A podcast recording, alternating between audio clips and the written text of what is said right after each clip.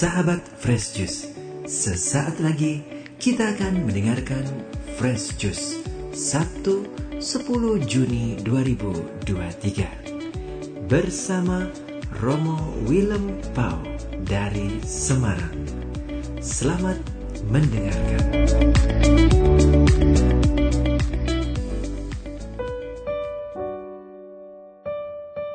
Berkah dalam Salam sehat, sejahtera, bahagia dalam kasih dan perlindungan Bapa, Putra, dan Roh Kudus. Para sahabat Fresh Juice, saya Romo Willem dari Paroki Kebon Dalam Semarang kembali menghaturkan jus rohani yang segar. Kali ini dengan kata-kata kunci demi siapa? Demi siapa? Demi siapa? Jus rohani yang segar ini saya racik dari kutipan Injil yang dibacakan di gereja Katolik seluruh dunia hari ini, yakni dari Injil Markus bab 12 ayat 38 sampai 44. Demikian bunyinya. Dalam pengajarannya Yesus berkata, "Hati-hatilah terhadap ahli-ahli Taurat yang suka berjalan-jalan memakai jubah yang panjang dan suka menerima penghormatan di pasar." Yang suka duduk di tempat terdepan di rumah ibadat dan di tempat terhormat dalam perjamuan. Yang menelan rumah janda-janda sedang mereka mengelabui mata orang dengan doa yang panjang-panjang. Mereka ini pasti akan menerima hukuman yang lebih berat. Pada suatu kali, Yesus duduk menghadapi peti persembahan dan memperhatikan bagaimana orang banyak memasukkan uang ke dalam peti itu. Banyak orang kaya memberi jumlah yang besar. Lalu datanglah seorang janda yang miskin dan ia memasukkan dua peser, yaitu satu duit. Maka dipanggilnya murid-muridnya dan berkata kepada mereka, Aku berkata kepadamu, sesungguhnya janda miskin ini memberi lebih banyak daripada semua orang yang memasukkan uang ke dalam peti persembahan. Sebab mereka semua memberi dari kelimpahannya, tetapi janda ini memberi dari kekurangannya semua yang ada padanya, yaitu seluruh nafkahnya. Demikianlah sabda Tuhan. Terpujilah Kristus. Para sahabat Juice yang hebat-hebat.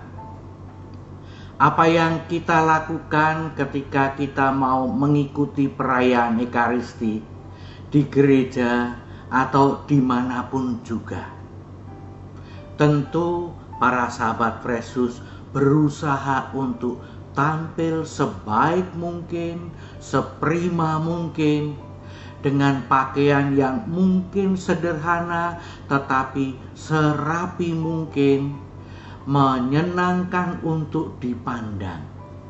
Bukan hanya pakaiannya, sepatunya, tetapi juga penampilan wajahnya seramah mungkin, senyum secukupnya, dan juga pokoknya yang membawa kegembiraan bagi yang berjumpa dengan kita, bagi orang-orang di sekitar kita.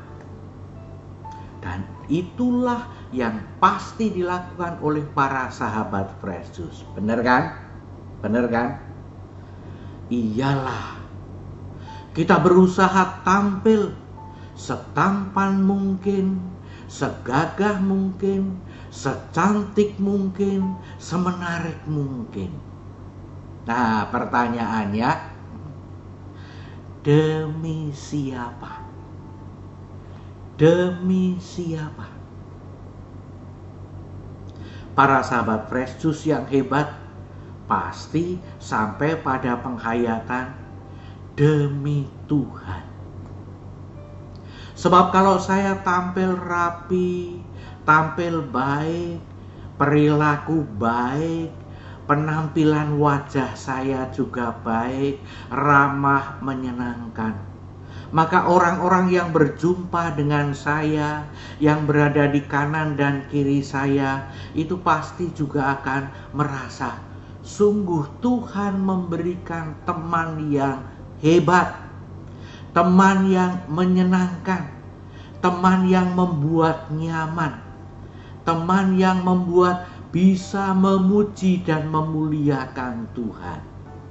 Maka saya bisa melakukan semua itu sungguh demi Tuhan, supaya Tuhan dimuliakan melalui diriku, melalui pakaianku, melalui penampilanku, melalui perilakuku. Amin. Amin. Para sahabat fresh juice yang hebat. Tapi tentu saja kita dengan rendah hati bisa mengakui. Kadang-kadang kita tergoda bahwa kita tampil menarik, tampil ganteng, tampil cantik demi diri kita sendiri. Kita ingin orang-orang tertarik kepada kita.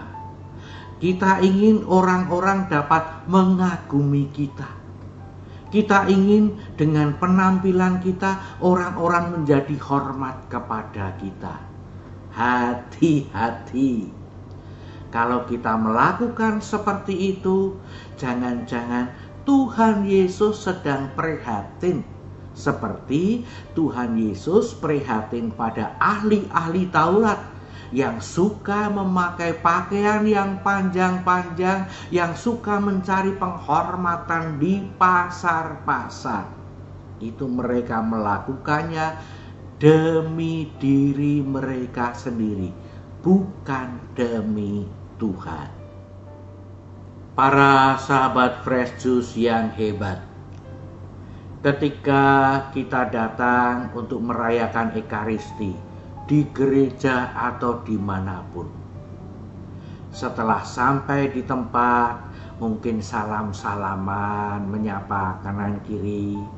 Sebelum misa, kita duduk untuk apa? Untuk berdoa dalam hati paling sedikit kita mengatakan, Tuhan, aku datang bersama dengan umatmu semua untuk merayakan kasihmu.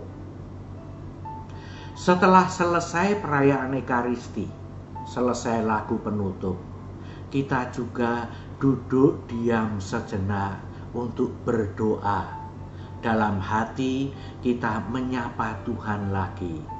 Terima kasih Tuhan sudah boleh merayakan Ekaristi. Semoga aku dan semua yang ikut perayaan Ekaristi ini dapat mewujudkan tugas per perutusanmu. Begitu kan?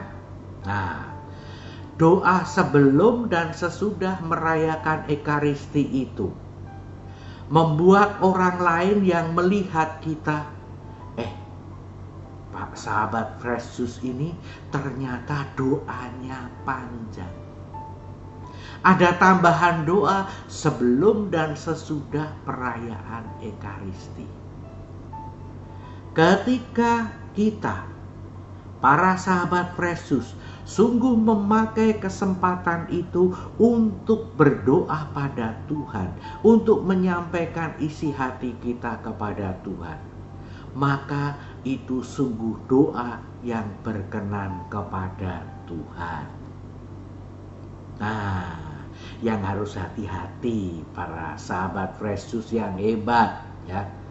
Ada orang-orang yang sebelum sesudah misa diam lama sekali, tapi sebetulnya tidak menyapa apa pun kepada Tuhan. Mereka melakukannya hanya supaya dilihat orang. Ini orang yang saleh, ini orang yang suka berdoa, ini orang yang dekat pada Tuhan. Tapi sebetulnya hati mereka kosong. Kalau itu terjadi, mereka menjadi orang-orang yang diprihatinkan oleh Yesus seperti para ahli Taurat tadi Diprihatinkan oleh Yesus kenapa? Karena doanya panjang-panjang hanya supaya dilihat orang. Demi orang lain kagum padanya, demi orang lain menghormatinya. Malah jangan-jangan meskipun mereka kelihatan kusuk berdoa, tetapi mereka tetap melakukan kejahatan. Kalau yang diingatkan oleh Yesus tentang ahli-ahli Taurat tadi, itu mereka merampok rumah janda-janda. Kejahatan yang lain juga menyakiti orang lain, menghancurkan orang lain, menghina orang lain. Tetapi untuk menutupi itu semua, lalu memakai sikap doa. Sungguh sayang kalau orang melakukan semacam itu. Saya percaya sahabat Juice yang hebat pasti tidak melakukan itu. Betul kan? Para sahabat Juice yang hebat. Tuhan sudah memberikan kita segala sesuatu yang kita perlukan untuk hidup di dunia ini. Maka pantaslah kita melakukan banyak hal, mempersembahkan hidup kita juga demi Tuhan. Penampilan kita kita persembahkan demi Tuhan.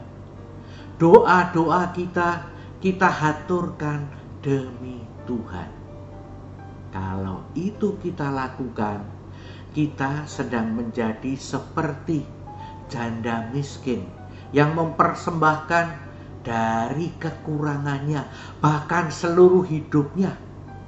Para sahabat fresh juice yang hebat pasti juga mempersembahkan seluruh hidup kepada Tuhan, ya kan?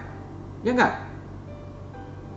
Lalu kita menjadi seperti janda miskin itu hidup kita semuanya demi Tuhan.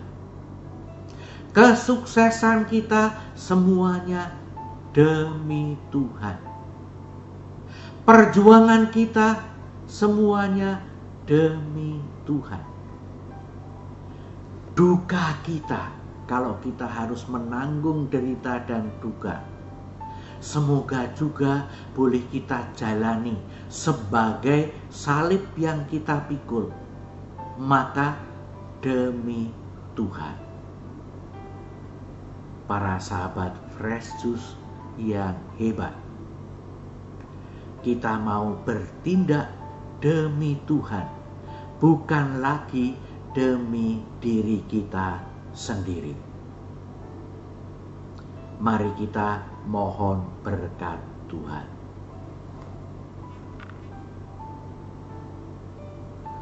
Tuhan bersamamu dan bersama rohmu.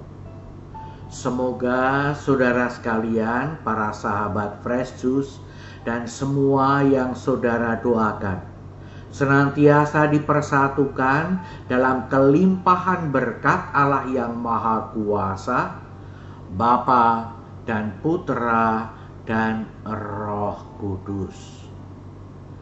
Berkah dalam kamsia, terima kasih, salam bahagia dan sukacita melaksanakan hidup demi Tuhan. Sahabat Fresh Juice, kita baru saja mendengarkan Fresh Juice Sabtu 10 Juni 2023. Terima kasih kepada Romo Willem Pau untuk renungannya pada hari ini. Sampai berjumpa kembali dalam Fresh Juice edisi selanjutnya. Tetap semangat, jaga kesehatan, dan salam Fresh Juice.